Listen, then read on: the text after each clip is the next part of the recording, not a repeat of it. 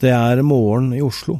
Mens byfolket går på jobb, pågår det en krangel mellom en bilist og en forbipasserende ved byens beste vestkant. Så smeller det, hele ni ganger. Lydene skjærer gjennom hele Frogner bydel. Noen tror de hører stillas som dundrer i bakken, andre tenker kanskje ikke så mye over det. Slike smell er tross alt ikke uvanlig i bybildet. Det er jo alltid noen som skal pusse opp. Ti minutter seinere kryr fortauet av politi. Dette er historien om en drømmebolig som endte i tragedie. Jeg heter Tor Erling Tømt Ruud, og dette er Krimpodden i VG.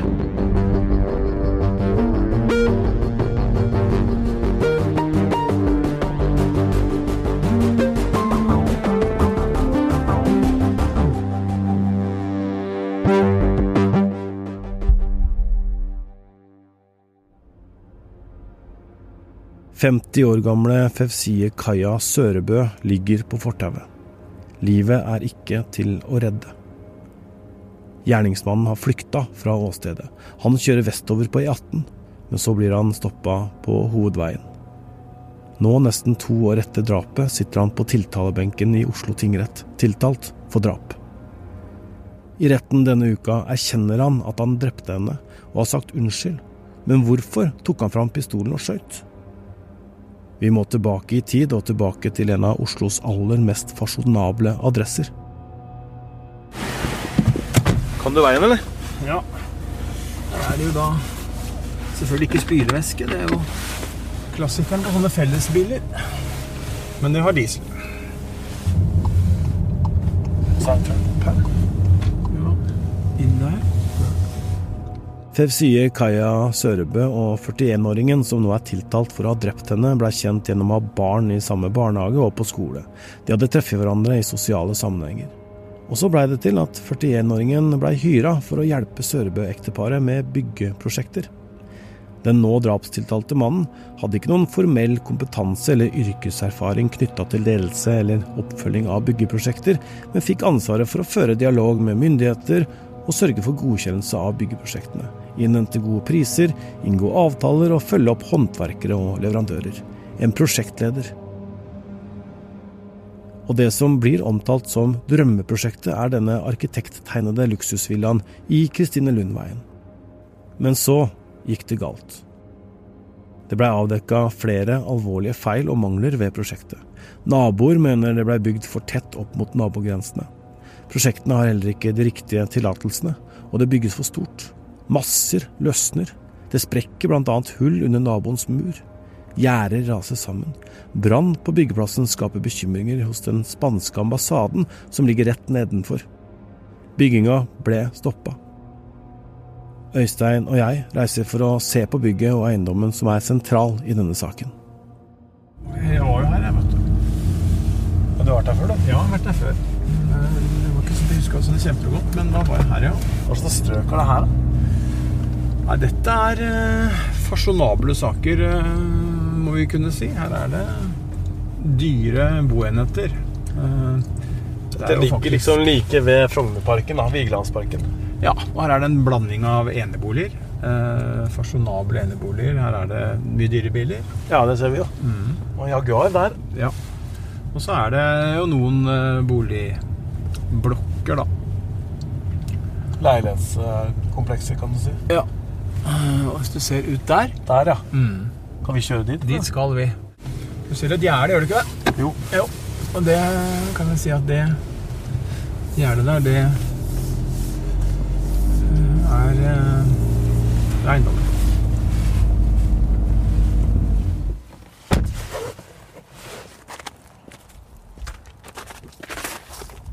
Se her, ja. Her står jo det halvferdige huset. Hva er det vi ser da? Ja, vet du, her var jo jeg, skal vi se. Det blir vel ja, blir det nesten to år siden, da. Eh, Eller rundt to år siden. Det er, så vidt jeg kan se, så er det én forskjell, og det er at det ligger litt snø her. Ellers er det ikke skjedd noen ting, og det er jo et halvferdig hus med ja, lekta med noe eh, vindbeskyttelse på ene sida og isola ja, om det er papp eller hva det er. Og så er det jo lagt på noe på toppen der, og så er det jo noen plater, og så er det bare betong og noen jernsøyler og et provisorisk rekkverk av, av tre.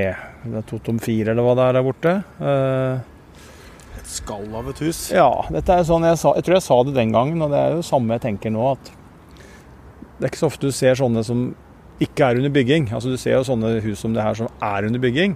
Men da er det jo aktivitet, og det står jo container, og det er folk som jobber der. Men det som, eh, det som jeg har sett sånne hus, er jo bl.a. i Spania, hvor det liksom har vært byggeprosjekter som har, har velta, da, og som blir stående som sånne spøkelseshus. Eh, men ellers er det ikke så veldig ofte. Det skjer jo selvfølgelig, men det er ikke så ofte at sånt blir stående tomt som sådan. Og det er i hvert fall ikke vanlig at det blir stående stopper opp under, underveis. Men det har de gjort her. Og hva som skjer her nå videre, det Ja, det er vel Det er vel nesten ingen som vet. Det er beskrevet at dette huset var eh, drømmen til ekteparet. Ja, det skjønner jeg. Eh, for en eiendom. Og du ser det er ganske romslig, og her ville du jo Vi sa det jo, vi er jo to landsens gutter, og når vi kommer kjørende opp her, så er det litt sånn man kan tenke at det er litt sånn trangt og litt vanskelig å få parkert, og litt sånn, ja, trange gater og ikke alle gatene er helt dimensjonert for såpass uh, biltrafikk kanskje og sånn rundt i en storby. Men her sånn så ville du kunne ha aldri bekymra deg for å parkere bilen din. Det er stor plass på toppen her. Du ville hatt en, uh, panoramautsikt hvor du hadde ja, Hva er dette for noe? Blir det, blir det sør-vest-vendt, da? Ja. ja. For nå er jo klokka Da er Oslofjorden rett ut der, og ja. så har du Olmokollen der oppe. Klokka er nå to, og vi har jo sola litt til venstre for huset, sånn som vi står på baksida. Og da vil jo den bare vandre og gå, og så vil den forsvinne da bak eh, Ja, på sommeren i hvert fall, bak oppi Holmenkollen. Vi ser Holmenkollen oppi der, ja. Mm, rett bak huset der. Ja. Nei, fy søren, det er, er eh, en, en, kjempeeiendom som uh, dette her kunne Ja, det er jo en flott tomt, og så kunne det blitt en prakteiendom, da. Så dør ektemannen, og så blir eh, fruen eh, drept. Og nå sitter en på tiltalebenken. Ja.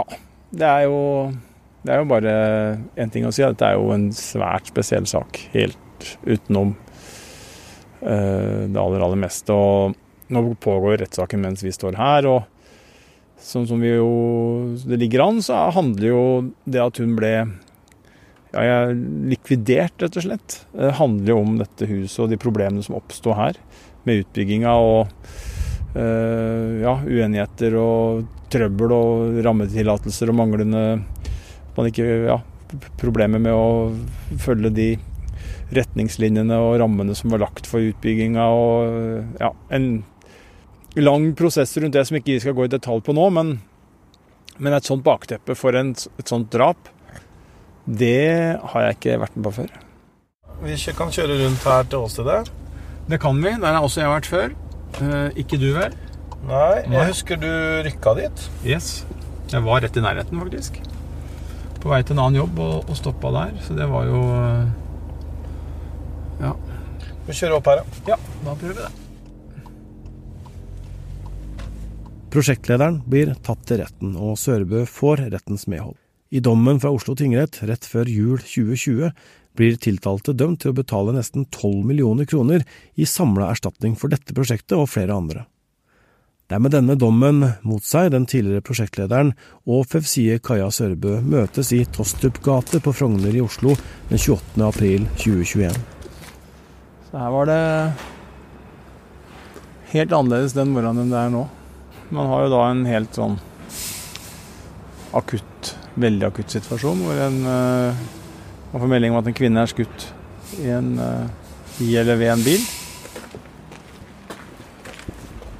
Her er det jo en Dette er også en gate på vestkanten eh, i Oslo. Er jo, her er det bygårder. Det er 1, 2, 3, 4, 5, 6, 7 etasjer uh, på dette.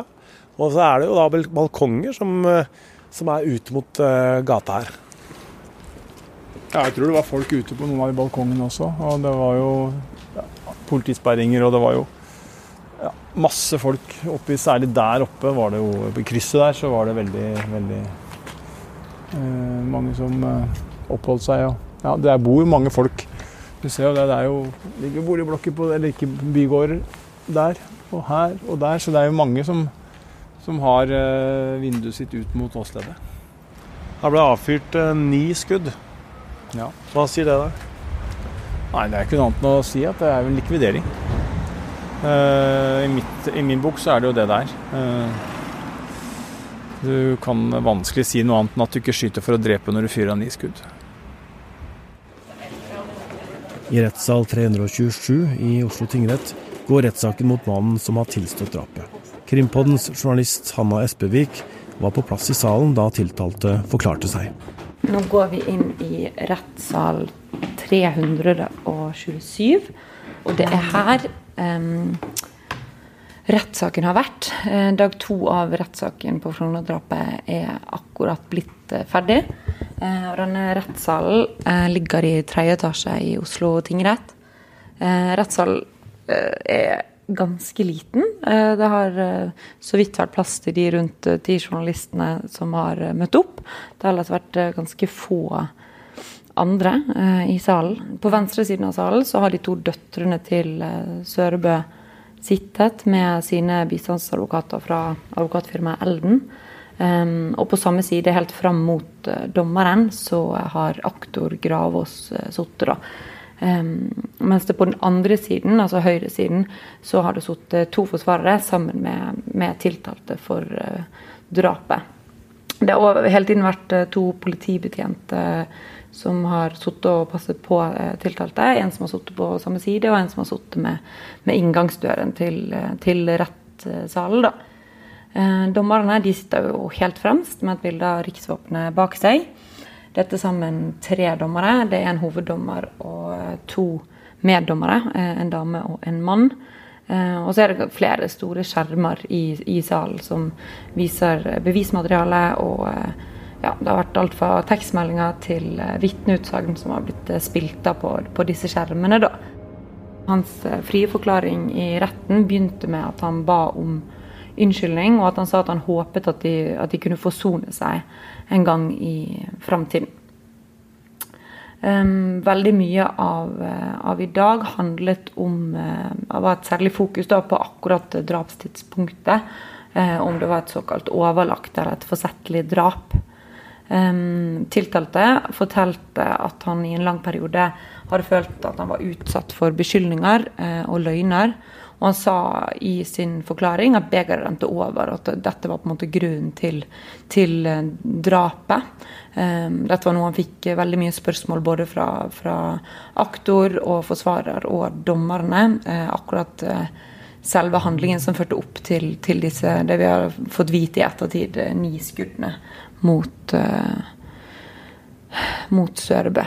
Um, også ifølge hans forklaring så, så, er det på en måte denne sivile eiendomstvisten som, som, på en måte har gjort at han eh, oppsøkte svar, at han oppsøkte Sørbø. Um, en jakt på svar som, som, bare førte til at han kjørte opp til Frogner uten å, uten å ha en avtale eller vite at han kom til å treffe på henne. Uh, og han forklarer at han på, på dette tidspunktet egentlig bare er i gaten for å snu, men at han så går ut av sin egen bil og mot bilen til, til Sørebø. Eh, og han eh, forklarte at han åpnet døren og snakket til henne, og at hun sa hei, eh, og at hun, hun undret på hvorfor han, hvorfor han oppsøkte hun, der han eh, søkte etter svar gjentatte ganger, mens hun sa at dette må vi ta med, med advokatene. Um, og han, han sa bl.a. At, eh, at han hadde sagt henne at hun hadde tatt eh, arrest i livet hans og tatt fra, hans, eh, tatt, tatt fra han, hans liv pga. det han sier var løgner i, i dette eiendomstvisten. Um, videre så sa han at han tok opp våpenet for å få henne til å snakke. At det, at det, var derfor han tok det opp, og at han senere ladet det og skjøt uh, fram til magasinet var tomt uh, før han gikk fra stedet. Og fra tidligere så vet vi jo at, eh, at hun ble skutt ni ganger i hodet og på halsen. Aktor, statsadvokat Aud Kinsarvik Gravås, altså de som anklager 41-åringen, holdt sitt innledningsforedrag mandag formiddag. Hun mener det er holdepunktet for at mannen som er tiltalt for drapet på Sørebø, gjorde overveielser og bestemte seg for å drepe før han oppsøkte henne utenfor boligen hennes på Frogner i Oslo. Det kan i så fall bety at drapet var overlagt, mener hun, noe som kan medføre flere år strengere straff dersom retten er enig. For oss er det viktig å få belyst saken best mulig. Så langt så har vi både fått en sånn oversikt over bevisene i innledningsforedraget, så har vi fått de etterlattes perspektiv, som er eh, veldig viktig, og så har vi fått en ganske grundig forklaring fra tiltalte i dag. Det har vært eh, mye fokus på drapshandlingen, der tiltalte mener at han handlet i affekt. Eh, kan du si litt om hvordan dere stiller dere til det? Mm.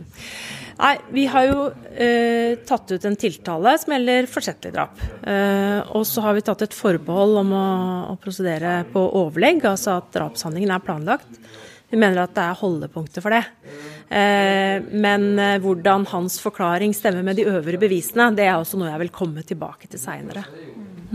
Det har jo også vært en del fokus på at han var i en vanskelig periode av livet sitt. Mm. Eh, kan du forklare litt hvordan dere altså, stiller dere til hvilken påvirkning det vil ha på straffeutmåling? Det, det kjedelige svaret er jo at dette må jeg komme tilbake til i prosedyren. Men eh, eh, som utgangspunkt eh, så vil det ha liten betydning, sånn som, sånn som vi ser det. Mm. Eh, var det noe med forklaringen eh, i dag, eller noe dere følte at dere ikke fikk eh, svar på? Det er jo aldri sånn, tror jeg, at en enkelt forklaring vil gi alle svar. Og det gjelder selv om den som forklarer seg er så åpen som han eller hun klarer å være. Så sånn tror jeg alltid det vil være. At man står igjen og, og har enkelte spørsmål som man opplever at er ubesvart. Og så blir jo det viktigste for oss og for retten eh, om hans forklaring sammen med de øvrige bevisene i saken gir et, eh, et godt bilde. Dette er forsvareren til mannen uenig i. De mener drapet skjedde i affekt og ikke var planlagt. Den tiltalte mannen erkjenner at han er skyldig i det som kalles forsettlig drap. Han nekter kategorisk for at det var et overlagt drap. Dette sier tiltaltes forsvarer, Ole Petter Drevland. Hvordan har det vært for eh, tiltalte å forklare seg i retten i dag?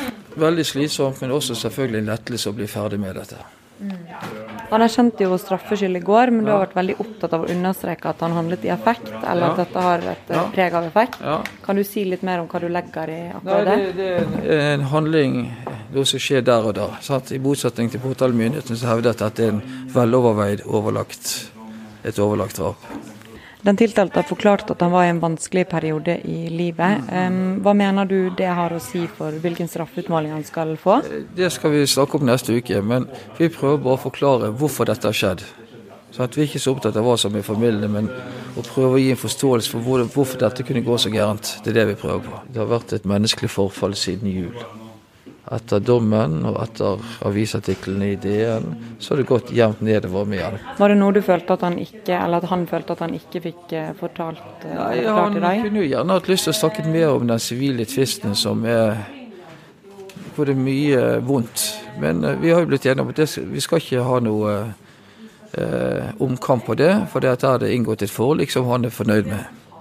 Som er selvfølgelig helt annerledes enn den dommen fra tingretten. Sørbøs døtre var også til stede i retten. Deres bistandsadvokat Ida Andenes sier det er tøft for dem.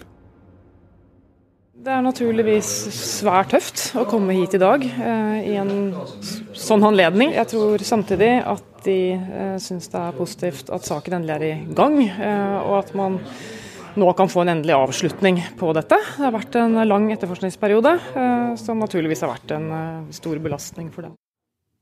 Ja, krimkommentator i VG Øystein Milli. Her har vi altså påtalemyndigheten som eh, argumenterer for at dette drapet var eh, planlagt. Altså med et overlegg, overlagt drap. Og så har du han sjøl som eh, forklarer med hjelp av forsvarerne sine da, at dette var i affekt. Og da går vi på det som heter forsettlig drap. Hva er egentlig forskjellen på overlagt drap og forsettlig drap? Veldig enkelt sagt så kan du si at forskjellen er at et forsettlig drap eh, utløses i en situasjon som oppstår der og da, mens eh, et eh, drap som er begått med overlegg, krever en viss eh, forutgående, som det heter, planlegging. At du har tenkt og overveid dette over noe tid. det er vel en korte versjon. Hva, hva, hva betyr noe tid, da?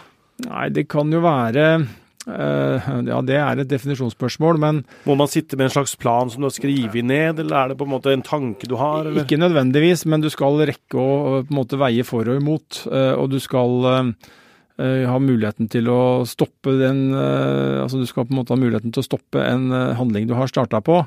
Eh, Jeg vil jo alltid si at du har jo alltid noen sekunder, eh, kanskje, fra du mm, griper etter et drapsvåpen eller tar tak i en person til, eh, til drapshandlingen finner sted, men det, det pleier ikke da å være nok i forhold til at det skal være overlagt. Det krever en viss sånn på å si, At du har hatt litt eh, b- Bruke et norsk uttrykk, at du har hatt litt hvilepuls og hatt litt sånn tid til å, å, å vurdere og tenke og stoppe eventuelt, men at du da likevel velger å gå videre med planene. Vi har jo noen, har jo noen eksempler på noen, på noen overlagte eh, dommer. Vi har jo, som mange vil eh, huske, Orderud-saken, som jo eh, endte med at eh, fire personer ble dømt for medvirkning, riktignok, til overlagt drap. Men da mener jo retten at de fire har over tid planlagt og overveid å, være med på, eh, medvirke til å ta livet av de tre i kårboligen. Og så har man en nyere sak som vi har snakka om her i Krimpodden, nemlig fra Nittedal, hvor, hvor eh, småbarnsfaren Christian Løvli jo blei eh, knivstukket og drept eh, på, sin, eh, på sin egen eiendom. Han, eller på farens eiendom. Han, der var det jo en som ble dømt, og han eh, møtte da eh, opp, eller gjorde en avtale, lokka jo Christian Løvli i det som ble betegna som, en- som en drapsfelle. Han sa det var noe feil med en eh, gressklipper, mener jeg husker, som sto i en garasje. Hadde med seg en kniv som han skjulte i en sånn lomme på en hettegenser. Og når Løvli da hadde ryggen til, så angrep han og, og, drepte ham på brutalt, eh, bestialsk vis, eh, og skjulte liket etterpå. Eh, Og der ble det argumentert med fra aktor eh, at eh, dette var eh, begått med overlegg, fordi at han da hadde lagt denne planen om å få han inn i denne garasjen, sånn som påtalemyndigheten så det, og som også retten vurderte det når dommen kom. Og at han da hadde med seg kniv. Og det er jo noe likhetstrekk der, vil sikkert et eh, påtalehode si i den saken vi snakker om nå. Det at tiltalte i denne saken møtte opp med, med da våpen på seg. Og at han da gikk rundt i området der for å se etter eh, kvinnene.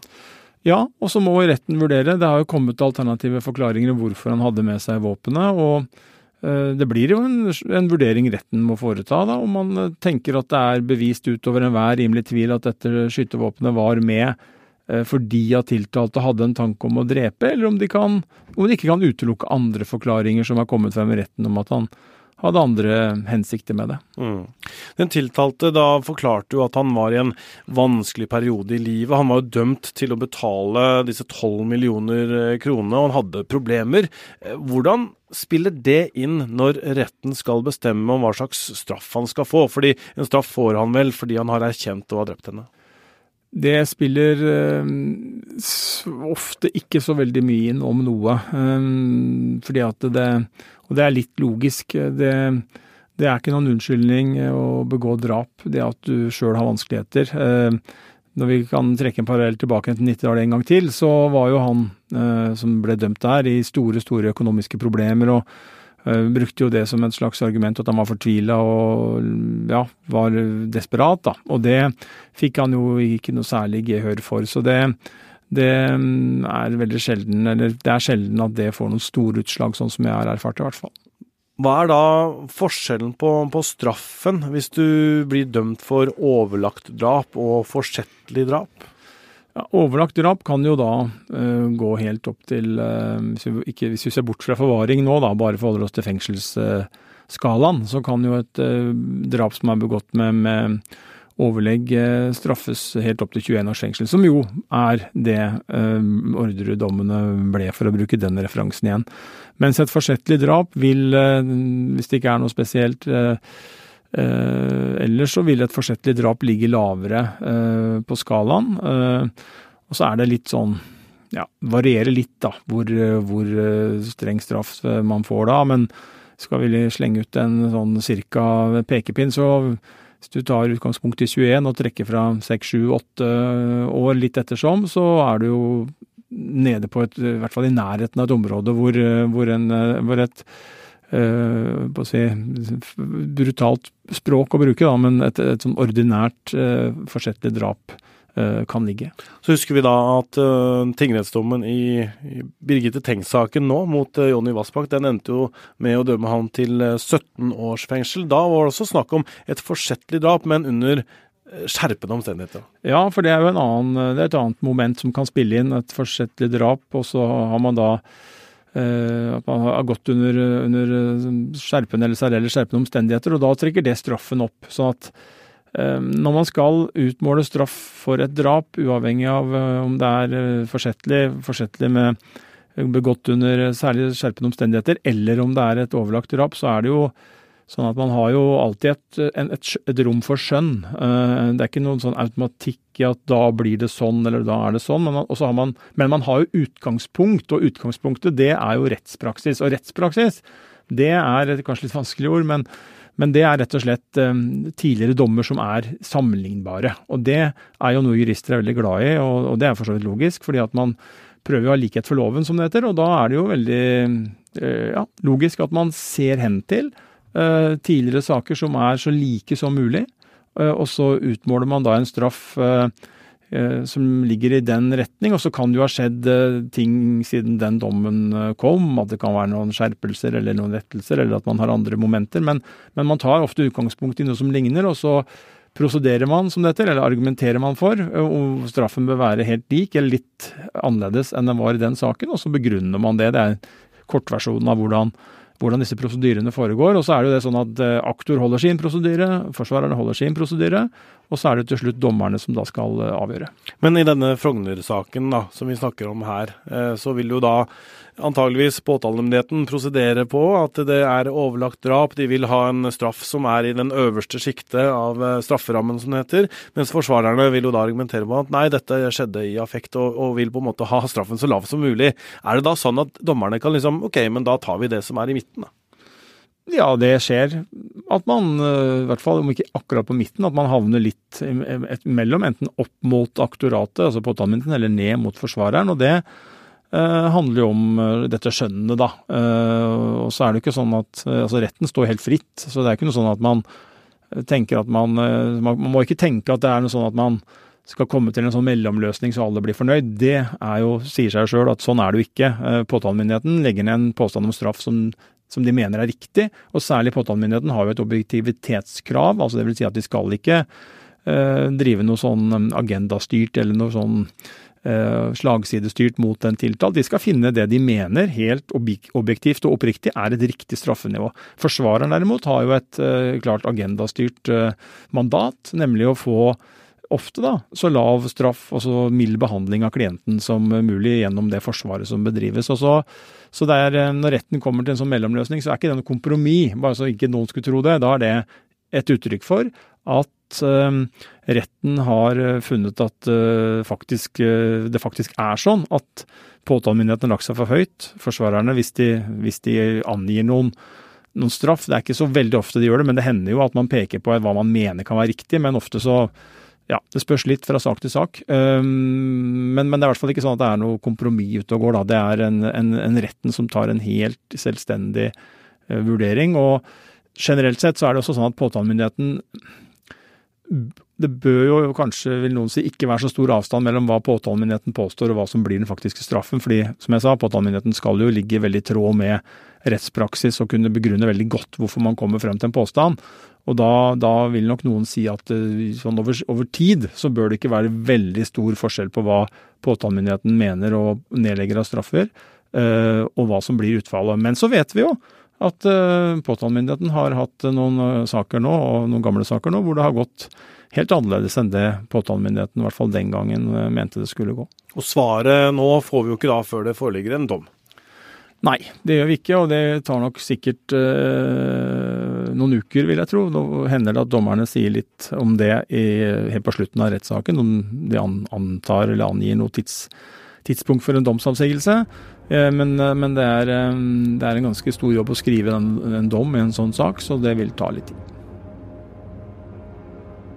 Hvis du ikke følger oss på Facebook, kan du gå inn og finne Krimpodden der, og delta i diskusjoner og sende oss innspill. Simen Barstad Buseth har bidratt til denne episoden. Hanna Espevik har vært i retten sammen med VG-journalist Anne Sofie Mengon Aasgard. Krimpodens redaksjon består også av Ruth Einevold Nilsen og Guro Mjeltevik Halvorsen. Produsent er Vilde Worren, nyhetssjef er Emilie Hall Torp, og jeg heter Tor Erling Tømterud.